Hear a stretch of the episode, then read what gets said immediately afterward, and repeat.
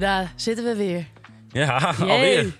In de jeugdkantine, de plek waar kennis en ervaringen samenkomen rondom het opgroeien van jongeren in de huidige maatschappij. Elke aflevering bespreken we een nieuw thema aan de hand van een stelling. En vandaag is het thema prestatiedruk. Ja, en we hebben hier een bakje met stellingen. En die zit het, de, de stelling in waar we het eh, over gaan hebben in deze podcast. Maar eerst onszelf weer even voorstellen. Rida, 21 jaar, presentator, content creator, toch? Yes. Eh, en eh, ja, als ik het goed heb, op TikTok 20.000 volgers. ja, eh, Als we het toch hebben over prestatiedruk. Is het genoeg? is nooit genoeg. Kan altijd meer, toch? Oké, oké. Nieke de la Rive Box, 37 jaar, presentatrice. Maar je begon ooit als, als actrice. Dus als we het ook hebben over prestatiedruk. Je, noemt het zelf mislukt acteur. Ja, ik kan het zeggen. Dat is niet echt helemaal ik wil dat niet zeggen, ja. maar Nee, precies. Nee, ik ben op zich goed terechtgekomen hoor. Ik vind, ik vind mijn leven hartstikke leuk. Maar ja, het plan was wel actrice worden. Ik heb Ja. het toneelschool gedaan. En daarna ben ik echt eh, ja, glorieus werkloos actrice gedaan. Heel veel bijbaantjes. Tot ik bij het klokhuis kwam werken. Dus alles kwam goed. Maar eh, ja, wat dat betreft heb ik al een soort mislukte carrière achter de rug.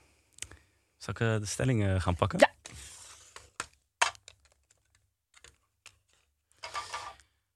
De stelling is, we moeten terug naar de zesjescultuur. Oké. Ja. Ehm, de zesjes... Ja, weet, waar, weet je eigenlijk wat dat is? Waar hebben we Ik, het eigenlijk over? ehm, ik denk dat ik het weet, maar misschien is het even handig om eh, Wikipedia erbij te pakken. Wat betekent de zesjescultuur? Als een groot deel van de studenten voor de examenresultaten genoegen neemt met krappe voldoendes, spreekt men van een zesjescultuur. Studenten met de zesjesmentaliteit streven er niet naar om uit te blinken of zoveel mogelijk uit hun studie te halen. Oké. En dat was geloof ik dus in meer- mijn tijd wat meer dan, dan, eh, dan nu. Hoe was het in jouw tijd dan? Nou, bij mij was het inderdaad wel zo van... eh, ja, vaak als je... Ja, kijk, we wilden wel hoge cijfers halen, maar Mhm. als je eh, zichtbaar daar heel erg je best voor deed... dan was je net wel een beetje een nerd eigenlijk. Gewoon zo... Hé, hey, come on, niet veel je best doen. Het was niet stoer om eh, hoge cijfers te halen, zeg Nee. maar. En hoe is het bij jou? Ehm, ja, in mijn tijd, ja, volgens mij, we waren, niemand was echt. Als je hoge cijfers haalde, was je. Ja, dan, was- dan, dan was de shout naar jou. Was het gewoon lekker bezig, pik. Ja, ja. En En als vond je- je het zelf belangrijk om hoge cijfers te halen? Ehm, nou, ik was al gauw ook. Ik, kon- ik kon niet heel goed leren of zo thuis. Dus ik was ook heel gauw, heel gauw tevreden met een zesje of, eh of een vijf en een half was er dan voldoende. Dus ik, nou ja, ik, ik, ik, had, ik had wel echt zo'n zesjescultuur, denk ik. Ja. Oh ja. Nou ja, dus eh, volgens jou zijn we er eigenlijk nooit uitgegaan, die zesjescultuur. Nee, volgens En hoe is dat nee. nu dan? Want, want jij werkt natuurlijk ook eh, ja, eh, ja, in de televisiewereld. Je presenteert heel veel. Ervaar je dan nu ook heel veel prestatiedruk? Ja, ik ervaar wel een enorme druk op dit moment, ja. Gewoon omdat je... nee, je hebt natuurlijk wat volgers en je, wil, en je, je wilt elke keer weer leuke content maken. Je moet elke keer weer maar presteren. En of het nou op contentgebied is of op je werkgebied, maar of ook in privégebied. Eh, iedereen om je heen gaat trouwen, iedereen eh, eh, doet allerlei dingen. Dus je hebt wel echt die druk in het leven om, om dingen te gaan bereiken of dingen te gaan doen. Maar je zegt trouwen, ervaar je dat ook als prestatiedruk? Nou, niet, niet echt een prestatiedruk, maar ik ervaar wel. Het is wel ook iets van een druk die je voelt, zeg maar, toch?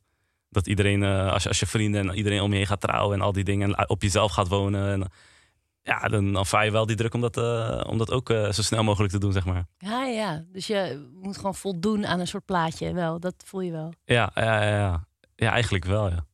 Volgens mij staat er iemand eh, voor de deur. Nou, Nof, laten we er binnen laten. Gonneke Stevens, welkom.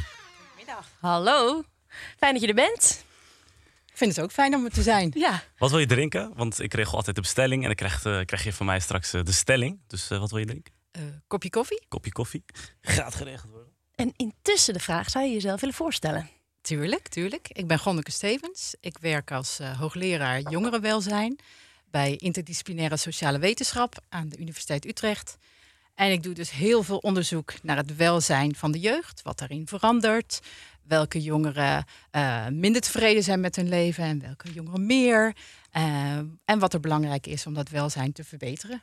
Nou, je bestelling heb je gekregen en hier is Mhm. de stelling. En dan, eh, die mag je gaan eh, voorlezen. Oké.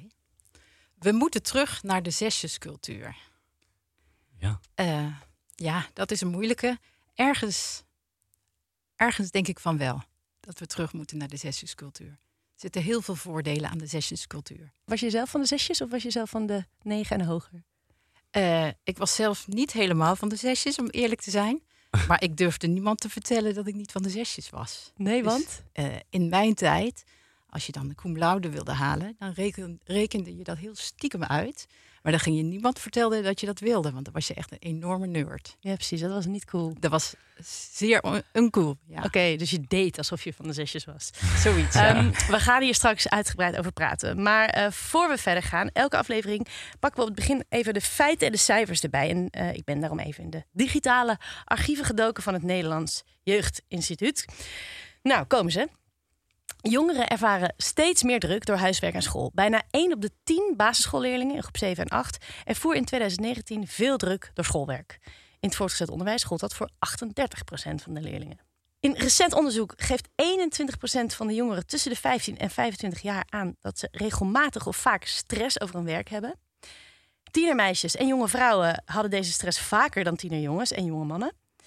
En 74% van de HBO-studenten en 79% van de studenten op de universiteit ervaart prestatiedruk vanuit zichzelf of anderen. Nou, dat zijn de cijfers toch wel weer. hè? Flinke cijfers. Veel stress. Ja, toch echt wel veel stress. Bijna 80%. Dat is echt veel. Ja, heftig. Ja, en wat wij daar ook in weten, want ik doe onderzoek, of wij doen onderzoek al twintig jaar naar eh, eh, leerlingen op het voortgezet onderwijs en eh, op de basisschool. Dan zie je dat het ook enorm toegenomen is in twintig jaar tijd. Het is echt verdrievoudigd, het percentage jongeren dat druk door schoolwerk eh, ervaart. Dus in 2001 waren er eigenlijk in Europa geen jongeren die zich zo weinig zorgen maakten over, of druk maakten over hun schoolwerk. En dat is echt heel sterk veranderd. Ja, ik ben heel benieuwd hoe dat komt. Maar voordat we dat eh, bespreken, ehm, misschien goed om toch even te benoemen. Wat verstaan jullie onder prestatiedruk in dat onderzoek? Ja, eigenlijk eh, prestatiedruk. eh, Het, het, woord zegt het al. Eigenlijk de druk die je ervaart om te presteren. En dat kan dan om, allerlei dingen gaan. Dat kan om eh, school gaan, je werk gaan, om hoe je eruit ziet, hoe goed je bent in sport, allerlei zaken. Maar we weten zeker bij jongeren, dus op het voortgezet onderwijs, dat ze die druk vooral ervaren rondom school. Dus wat wij doen in ons onderzoek, het HBSC-onderzoek, eh, daar vragen we altijd naar de druk die eh, leerlingen ervaren door hun schoolwerk. Door alles wat ze moeten doen voor school. En Ja. dat is du- dus verdrievoudigd. En eh, je noemde HBSC, wat is dat? Ja, dat is het Health Behavior in School-Aged Children onderzoek. En dat is onderzoek dat wij elke vier jaar uitvoeren onder leerlingen in het voortgezet onderwijs en op de basisschool. En daarvoor vullen jongeren elke vier jaar een vragenlijst in. En zo kunnen we dus zien dat jongeren in 2021 veel meer mentale problemen rapporteerden dan in 2017 of in 2001. Maar hoe komt het dan vanaf dat punt, want jij noemde 2001? Waarom vanaf dat punt is het zo lijnrecht omhoog gegaan? Nou, het is eigenlijk eh, pas gestegen vanaf 2009. Dus die eerste tien jaar in 2000, toen was het nog steeds heel laag. En we denken dat eh, het belang dat wordt gehecht aan presteren, eh, eh, dat dat st- steeds meer is toegenomen. En dat geldt bij eh, voor jongeren, geldt voor hun ouders, maar ook de maatschappij in het algemeen. En dat zie je dan bijvoorbeeld terug in eh, wat ouders uitgeven aan bijlessen. Dat je nu cum laude je voortgezet onderwijsdiploma kunt halen. Dus dat, is dat belang is echt toegenomen. En daar zitten weer allerlei processen achter. Maar kan je daar iets van voorbeelden van geven? Want waarom dan zo het eind van de zero's? Waarom toen? Ja, nou, eh, eh, wat, daar, wat zit, is dat het steeds normaler is geworden dat je een hoge opleiding eh, hebt. Dus er zijn steeds meer jongeren die hebben VWO gedaan, steeds meer mensen die hebben universiteit gestudeerd. Dus dat wordt de norm, net alsof dat normaal is. Dat hoeft natuurlijk helemaal niet zo te zijn. Er zit heel veel status achter een hoge opleiding. Er wordt ook wel gesproken over dat er, eh, dat er allerlei vooroordelen zijn over het MBO. Terwijl we ook weten, nou, er worden heel veel eh, jongeren opgeleid die kunnen enorm goede, mooie banen hebben en heel veel geld verdienen en heel mooi werk doen. Dus dat speelt erin een rol. Dus, en eh, het, het, het loon dat je krijgt is natuurlijk hoe hoger opgeleid vaak, hoe meer loon. En daar zit dan weer achter, ja, die huizen zijn bijvoorbeeld zo duur. Nou, laat ik maar zo hoog mogelijke opleiding doen. Dan is de kans dat ik ooit een huis kan betalen het grootst. Ja, Er gebeurt ook heel vaak, wat ik om mij heen ook zie, is bij ouders dan dat ze met elkaar gaan opscheppen. Zeg maar van de een zegt, ja, mijn zoon heeft eh, HBO afgestudeerd. Oh ja, mijn zoon heeft eh, universiteit. Zeg maar, de- dat speelt ook heel erg, toch? Ja, ja, ouders vinden dat ook belangrijker. Ja. Maar die denken eh, enerzijds natuurlijk ook aan het belang van het kind. En denken, nou ja, dat geeft mijn kind er een zo goed mogelijke toekomst, bijvoorbeeld. Ja. Eh, dus eh, ja, dat speelt wel. En er zijn ook jongeren die zeggen, ja, mijn ouders die zeggen wel dat het niks uitmaakt. Dat het, eh, eh, dat het vooral belangrijk is dat we gelukkig zijn. Maar ondertussen vinden ze dat stiekem wel heel erg belangrijk. Tuurlijk, ja. Ja. ja, en dat voel je natuurlijk aan alles. Ja, Dat, dat geven jongeren aan. En misschien is er dus ook wel een cultuurverandering, hè, heeft die wel plaatsgevonden. Eh, wat ik vertelde, dat ik me vroeger echt schaamde als je eigenlijk cum laude wilde afstuderen. Studeren, ja, dat is nu echt heel anders. Daar Ja. zijn jongeren trots op, dat laten ze zien. Maar zo, ja, is dat dan erg eigenlijk? Nou, wij maken ons daar wel heel erg zorgen om, omdat we weten dat dat heel sterk samenhangt met mentale problemen. Dus eh, eh, emotionele problemen, je angstig voelen, ongelukkig zijn. Dus die druk door schoolwerk hangt daar heel sterk mee samen. En we zien ook dat die mentale problemen heel sterk zijn toegenomen.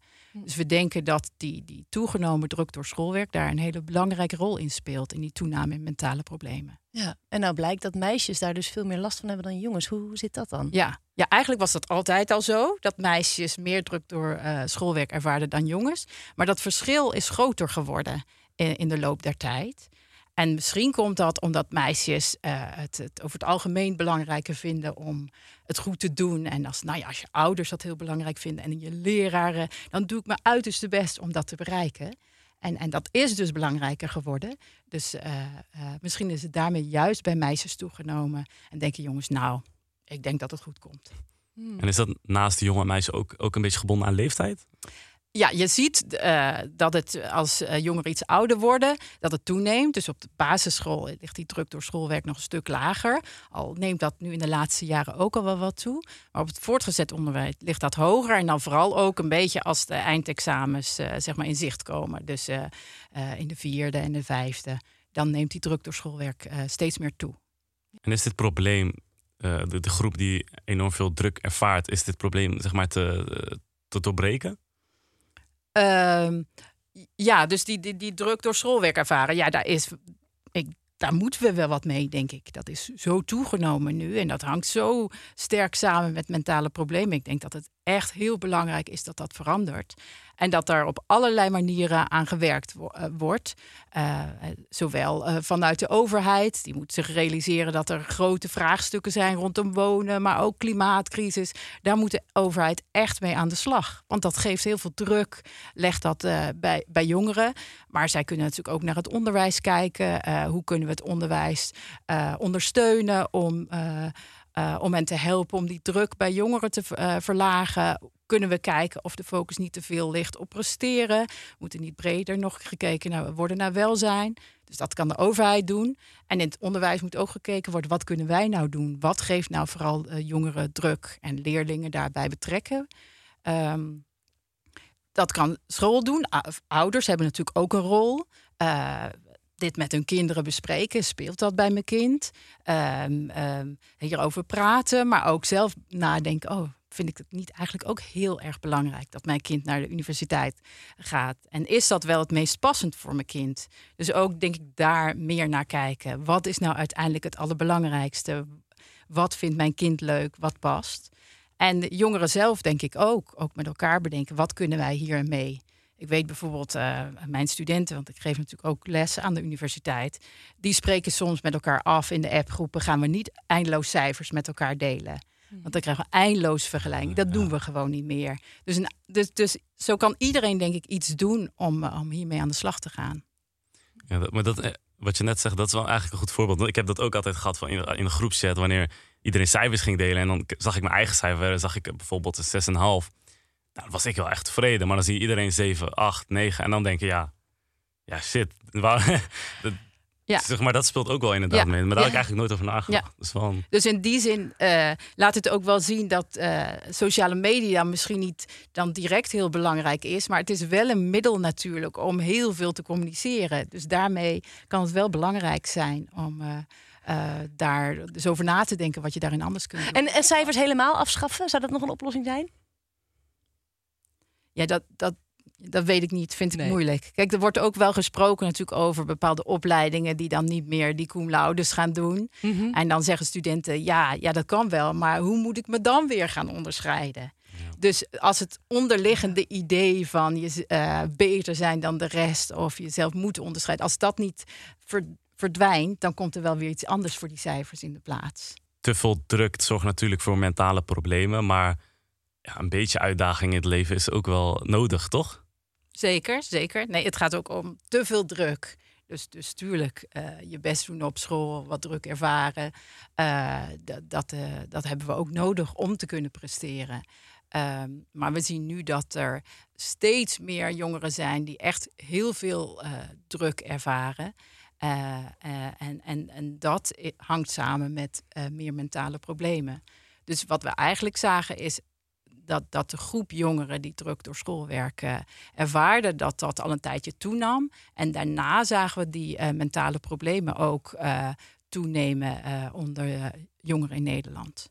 Dus maar tuurlijk, nee, ja, er is altijd enige druk. En ja, je moet ook je best doen. En soms moet je, moet je nog een keer nadenken en zoeken en proberen. Tuurlijk, ja, daar leer je natuurlijk ook van. Zeker, ja. Ja, Nienke. Ja, ik moet toch met mijn vriend gaan praten, want die wil ook heel graag dat ons kindje VWO gaat doen. Maar eh, ze is één, dus eh, Zo. ja, die gesprekken gaan nu al. Dus ik, ik, het is wel een spiegel, eh, moet ik zeggen. Dankjewel, Gonneke. ja, bedankt. Graag gedaan. Veel Ja. succes. Dankjewel. Nou, jij vooral ook met je onderzoek. Ja, eh, en de volgende gast. Jotter. Welkom, man. Hoe gaat het? Ja, heel goed. Wil je wat drinken? Ik lust wel een glaasje water. Leuk dat je er bent. Dankjewel. En eh, ja, we vragen altijd eh, intussen, zou je je willen voorstellen? Ja, zeker. Mijn naam is eh Piotr. Dankjewel. Ik, eh, ik ben artiest, ik maak muziek. Ik ben ook een klein beetje meester. Ik heb eigenlijk gestudeerd om leraar te worden. Uiteindelijk voor mijn dromen in muziek gegaan. En eh, dat is het geworden. Top. En we zijn dus ook met de stelling de straat op gegaan. We moeten terug naar de zesjescultuur. We moeten terug naar de zesjescultuur. Wat houdt het in? Zeg maar, allemaal, allemaal gewoon zessen halen toch? Maar nee man, we moeten allemaal gewoon tienen halen. Of niet? Ik weet het niet zo goed. Ik heb op mijn vorige school ook gehad dat ik geen cijfer kreeg.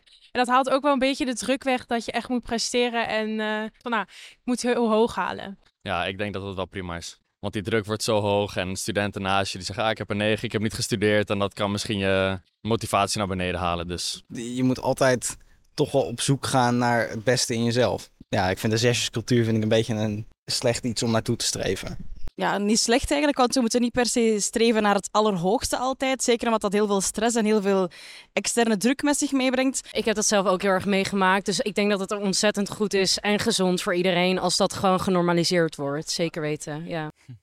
Ja, wat vind je hiervan? Ja, ik kan me vinden in veel van de commentaren die ze geven. En ik vind zelf eigenlijk ook dat het twee kanten heeft. Ik vind ergens kan het gemakzuchtig zijn als je echt puur voor die zes gaat. Terwijl je weet, er zit eigenlijk meer in. Aan de andere kant, ja, als, eh, als het moeten presteren jou te veel druk en pressure geeft. En je kan met die zes iets lekkerder leven, dan, dan is dat misschien wel de beste optie. Ik denk dat het ook een beetje per geval verschilt. En dat je dat ook een beetje moet aanvoelen. Maar ik denk dat zesjescultuur voor sommige leerlingen... ja, inderdaad ook wel ze tekort kan doen, zeg maar. Dat ze misschien nog wel iets meer uit zichzelf kunnen halen. Dus het- ja, het is een beetje een grijs gebied, vind ik zelf. Ja, ik vond het wel grappig eigenlijk. Eh, Je hoort ook zelf, ze hebben best wel zelfbewustzijn. Want ze, ze noemen vaak zelf het woord prestatiedruk. Ze zeggen ook wel van nee, een zes moet goed genoeg zijn. En bij sommigen dacht ik ook, meen je dat nou echt? Of zeg je dat eigenlijk omdat dat je denkt dat je dat moet zeggen? Ja, ja, ik snap je. Ja, ik weet het niet. Ik denk dat het... eh, ja, dat als het inderdaad prestatiedruk oplevert... Mhm. dan is het misschien goed om inderdaad voor die, voor die zes te gaan. Ja, op die zes kan je ook prestatiedruk opleveren. Dus Ja. ik denk dat het, Ja. dat het meer iets is wat van binnen zit... dan dat het echt aan het streven naar een bepaald einddoel zit. Ja, ja, ja, precies. Ja, precies. Een cijfer aan plakken is misschien ook weer niet. helemaal- Ja, één dame zei ook toch van ze kregen geen cijfer... en daardoor viel die prestatiedruk voor een groot gedeelte weg. Ja, Eh, ik denk op zo'n manier kan je veel meer kijken naar... oké, van wat is iets wat bij mij past. Want die zes of die tien, eh, dat wordt op alle leerlingen geplakt. Die worden allemaal gemeten naar dezelfde maatstaf. Mhm. En als jij het veel meer vanuit jezelf mag gaan benaderen... dan kan jij zelf wel jezelf een beetje pushen om iets goeds uit jezelf te halen... maar misschien die Klopt. lat niet te hoog leggen. ja. Nou zit jij hier natuurlijk niet voor niks. Ik kan me voorstellen dat mensen denken, hè? eh rapper Piotr. Jij bent namelijk het gezicht van een campagne, hashtag goed genoeg, van Klopt. Young Impact. Eh, en die campagne houdt zich daar heel erg mee bezig. Op wat voor manier? Wat doen jullie? Ja, het is dus een heel groot stukje bewustwording eigenlijk inderdaad bij jongeren. Eh, dat prestatiedruk iets is wat bij veel jongeren voorkomt. Eh, dat het niet iets heel geks is natuurlijk. En we willen het vooral heel erg bespreekbaar maken. En dus zoals je zei, de hashtag eh, goed genoeg, dat is ook echt iets waar we naar streven om dat eh, bij jongeren duidelijk te maken. Dat ze goed genoeg zijn, dat het niet altijd beter, beter, beter hoeft. Ehm, en ja, dat je niet altijd hoeft te vergelijken met iemand anders. Ehm, dat je jezelf ook wel eens op de schouder mag kloppen van ik doe het goed. Dat je dat tegen jezelf mag zeggen in de spiegel. een stukje voorlichting. ehm, en er is een heel mooi lespakket ontwikkeld waar ik eh, het gezicht van mag zijn. Dus daar ben Meester rapper. Piotr. Ja, een soort van. ja, ja. ja. Want hoe ben jij hier dan bij betrokken geraakt? Eh, ja, ze zijn denk ik via via bij mij terechtgekomen. Dat vind ik heel mooi. Ik probeer met mijn muziek ook altijd een, een goede boodschap over te brengen.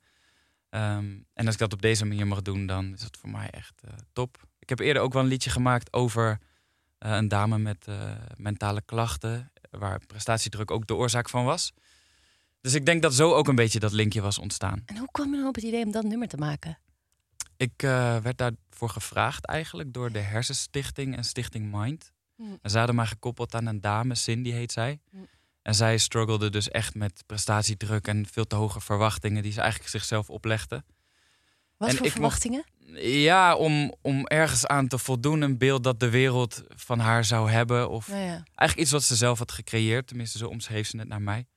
En ik ben met haar in gesprek gegaan en ik mocht als levensliedje mocht ik haar verhaal vertellen in een nummer. Interessant. Ja, het was heel bijzonder. Merk je bij jezelf ook prestatiedruk? Gewetensvraag. Mhm. Ja, nee, zeker, absoluut wel. Ja? Ja, dat gaat bij mij een beetje bij vlagen. En ik merk, bij mij speelt social media echt een grote rol. Als ik daarop kijk en ik zie andere artiesten in één week hun nummers eh, door het dak gaan. En dan zit ik even mijn eigen cijfers te kijken en dan denk ik van ja. hmm. Dus dat geeft me soms wel, wel stress of druk inderdaad. Dat ik denk van oké, de volgende moet, moet beter gaan of moet harder gaan of meer volgers. Dus dat is bij mij echt de reden. En, eh, hoe meer mijn telefoon uit is, hoe meer die druk weggaat eigenlijk. Ja, dus je ervaart het echt dankzij social media eigenlijk een beetje. Ja. Ja, ik denk ook. Ja, dat is voor mij wel echt de grootste reden. Ja. Ja, maar er ligt natuurlijk ook al lastig. Nou ja, een soort. Je hebt ambitie en je hebt prestatiedruk. En dan is natuurlijk. De, want kijk, dat je als jonge rapper ambitieus bent, dat is ook Klopt. logisch en Klopt. gezond. Ja, dat is precies wat ik zei, zeg maar, dat grijze gebied. Dat herken ik voor mezelf ook. Want inderdaad, als ik me vergelijk met andere artiesten, zie ik ook wat er haalbaar is. Ja. En dat is voor mij ook dat ik denk van oké, let's go. We, we kunnen nog een, een stapje omhoog en ik kan er nog meer uithalen. En dat is ook de reden dat ik 's ochtends weer uit bed kom. Ehm, maar ja, aan de andere kant moet ik er weer niet in doordraven. Dus dat vind ik altijd lastig. Want waar, waar, waaraan merk je voor jezelf dat moment dat je denkt: oké, nu gaat het van ambitie over in echt prestatiedruk die ongezond is? ja, als het echt te veel vergelijken wordt. Dus als het niet meer naar mezelf kijken is van oké, wat is mijn kunnen? Ehm, wat is mijn volgende stap? Wat is mijn route? Maar als ik echt zit te kijken van oké, die ander heeft dit bereikt. Of die ander gaat twee keer zo hard als ik. Mhm. Dan merk ik van oké, nou ben ik verkeerd aan het kijken. Ja. Wat er ook zo rottig aan is, is dat je altijd jezelf vergelijkt met iemand die net verder is. Kijk, ja, tuurlijk. je gaat je, jij vergelijkt jezelf dus niet met een rapper die nog veel minder ver is dan jij. Of jij met een eh, content Altijd zo. creator. Ja, ja, ja. Eh, Dat, is het lastige. ja. En maar ja, dat is dus ook wel weer hetgene waardoor je ook wel weer een stapje verder kan komen. Als je kijkt naar Klopt. diegene die misschien de baan al een beetje heeft voorbereid voor jou. Dus dat is het lastige, vind ik zelf. Dat is mijn struggle, zeg maar. Ehm, maar wat ik heel erg probeer is om af en toe even terug te kijken naar de jongere Piotr. En even te beseffen van oké, wat waren mijn doelen vijf jaar geleden? En dan zie ik van oké, die heb ik ruimschoots overschreden. Dus Ja. dan denk ik van oké, we, zijn, we zijn op de goede weg. En laat me gewoon doelen maken voor de komende vijf jaar voor mezelf. Los van wat iemand anders ook doet. En daar ga ik gewoon achteraan. En dan vind ik, dan mag je jezelf best wel die schop onder de kont geven. En een beetje druk voor jezelf geven. Ik denk dat een beetje druk wel gezond Is gezond. Ja. En daarom denk ik van die zesjescultuur kan inderdaad ook... Kan je misschien ook laks maken dat je denkt van... Nou, ik vind het zo wel best. Ja. En Terwijl je weet dat er misschien nog wel... Ja, dat je gemaakt bent voor meer. en in jouw teksten komt, ja, dat zei je net ook al, dit, dit thema komt wel eens vaker voor. Klopt. Zou je misschien een stukje kunnen, kunnen, ja, kunnen, kunnen laten horen of zo? Hoeveel tijd krijg ik ervoor? Alle tijd die je nodig hebt. Moet, ja, hij even een beat doen? Nee, nee, nee, nee, nee, nee. Laat me het gewoon zo doen.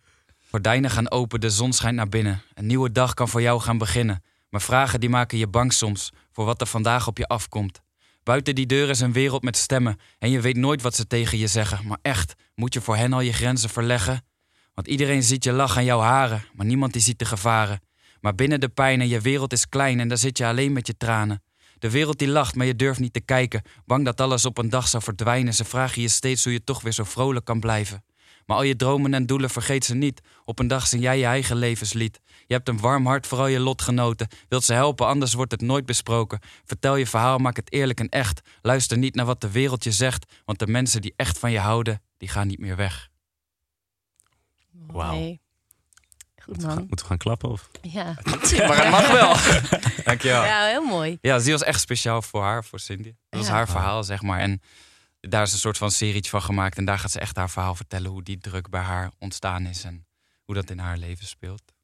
Ja, ja echt heel, ja, ja, sick man. Ja, ik denk dat je ook echt wel wat kan betekenen als je dus in je teksten juist dit soort verhalen vertelt in plaats van hoe vet en eh geld Ja, en ik vind het ook heel bijzonder. Want dit liedje was voor mij iets wat eigenlijk een beetje tussendoor kwam. Want ik had eigenlijk nog een andere single die ook rond die tijd uitkwam. Dus dit liedje had eigenlijk helemaal niet heel veel aandacht gekregen. Maar het wordt echt superveel beluisterd. Dus ik denk ook dat mensen het naar elkaar doorsturen. Of dat mensen dit echt wel dagelijks luisteren. Dat ze er echt Ja. iets aan hebben. En dan denk ik van oké, dat is voor mij belangrijker dan al die cijfers, zeg maar, waar we het net over hadden. Ja. Alleen dan moet ik mezelf af en toe wel weer even van bewust maken. Dat oké, er is meer dan die competitie. Al die cijfers van als nummers als dit zo'n impact kunnen hebben. Dat is Precies. is Uiteindelijk is, belangrijker. daarom, uiteindelijk is impact ook wel belangrijker dan. Ja, dat is wel waar ik voor, voor wil gaan. Prestatiedruk is, is echt een maatschappelijk probleem geworden. Wat kunnen jongeren hier zelf tegen doen? Ja, ik denk echt dat dat bespreekbaar maken, dat dat stap 1 is. En daarom ben ik heel blij met die campagne hashtag goed genoeg. Dat is al stap 1 zeg maar, om het bespreekbaar te maken.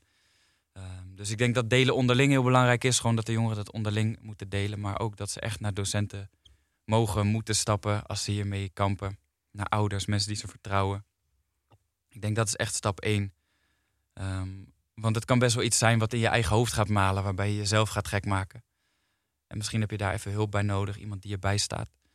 En misschien is het ook wel belangrijk dat jongeren naar elkaar omzien. Dat ze elkaar af en toe even die, eh, die arm om de schouder slaan en zeggen van je bent goed genoeg, je, je bent lekker bezig. Complimenten geven voor alle doelen die ze al hebben behaald. In plaats van dat ze alleen maar die push voelen vanuit school of de maatschappij of wat dan ook. Ik denk dat zijn twee hele belangrijke dingen. Een soort van samen sta je sterk. En je hebt natuurlijk ook een grote following op, op, op, op social media. Probeer dan naast je muziek dan ook af en toe op social media iets bij te brengen bij de jongeren? Over van, je, zes is ook goed. Mm, niet heel direct, omdat ik zie mezelf niet echt als een eh, goeroe of zo Nee, daarin. En ik wil niet te veel daarin Snap eh, ik, ja. Met het vingertje gaan zitten van je moet het zo doen of zo doen. Eh, maar ik denk wel heel erg na over eh, hoe ik bijvoorbeeld mijn Instagram gebruik, wat ik laat zien. Ehm, en ik vind het tof om gewoon te laten zien dat ik ook gewoon een heel normaal leven heb, zeg maar, naast dat ik artiest ben. Soms kom ik bijvoorbeeld op scholen nog voor workshops of projecten en hun eerste vraag is van oké, eh, wat voor horloge heb je? Met welke auto ben je? Ja, ja, En ik ja. vind het tof om wel dat echte verhaal te vertellen van ja, ik heb gewoon een normaal leven, gewoon een rijtjeshuis. En ja, ondanks dat ben ik artiest, zeg maar. Het hoeft allemaal niet gek. En dat vind ik mooi om dat een beetje te laten zien. En gewoon mijn normale leven. Ik ben nog steeds met dezelfde vrienden als vroeger. En eh, we zijn nog steeds gewoon een potje aan het voetballen met een een of andere kapotte bal. Mhm. En het, het hoeft allemaal niet gek. En Ja. dat vind ik mooi om dat te laten zien. En ik hoop dat ik daarmee een beetje een voorbeeld mag zijn. Goed man. Fijn dat je er was man. En eh, ik vind je muziek goed genoeg. Gelukkig maar. Nee, ik vind Hey, het thanks man. Top. Dank jullie wel. Later. Ja, doei doei. Ja, ik vind het dus ergens best wel een rustgevend idee om te denken, inderdaad, ja, het is goed genoeg. Maar wat ik me dus ook wel bedacht, zeker ook met wat Go- Gonneke zei over dat het zo mentaal echt niet goed gaat met veel mensen. Als ik, als ik naar mezelf kijk over prestatiedruk, dat speelt zich altijd bij mij s'nachts af. Als ik lig te piekeren, op het moment dat ik me niet goed voel, dan dan vind ik mezelf niet goed genoeg. Maar ik deel dat eigenlijk nooit. Ik ga nooit tegen mijn vrienden zeggen, ik ben niet goed genoeg, ik moet beter.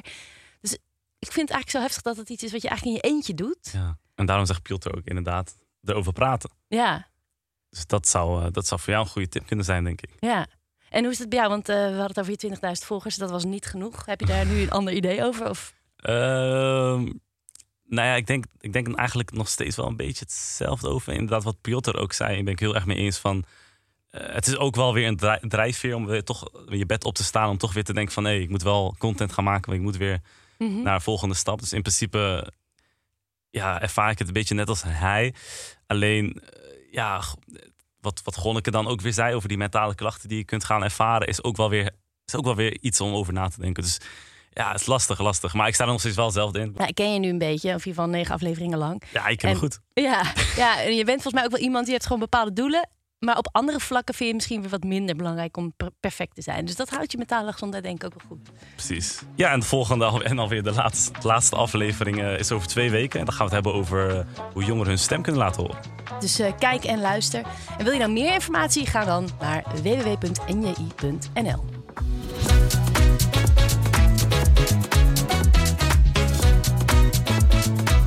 Een podcast van het NJI.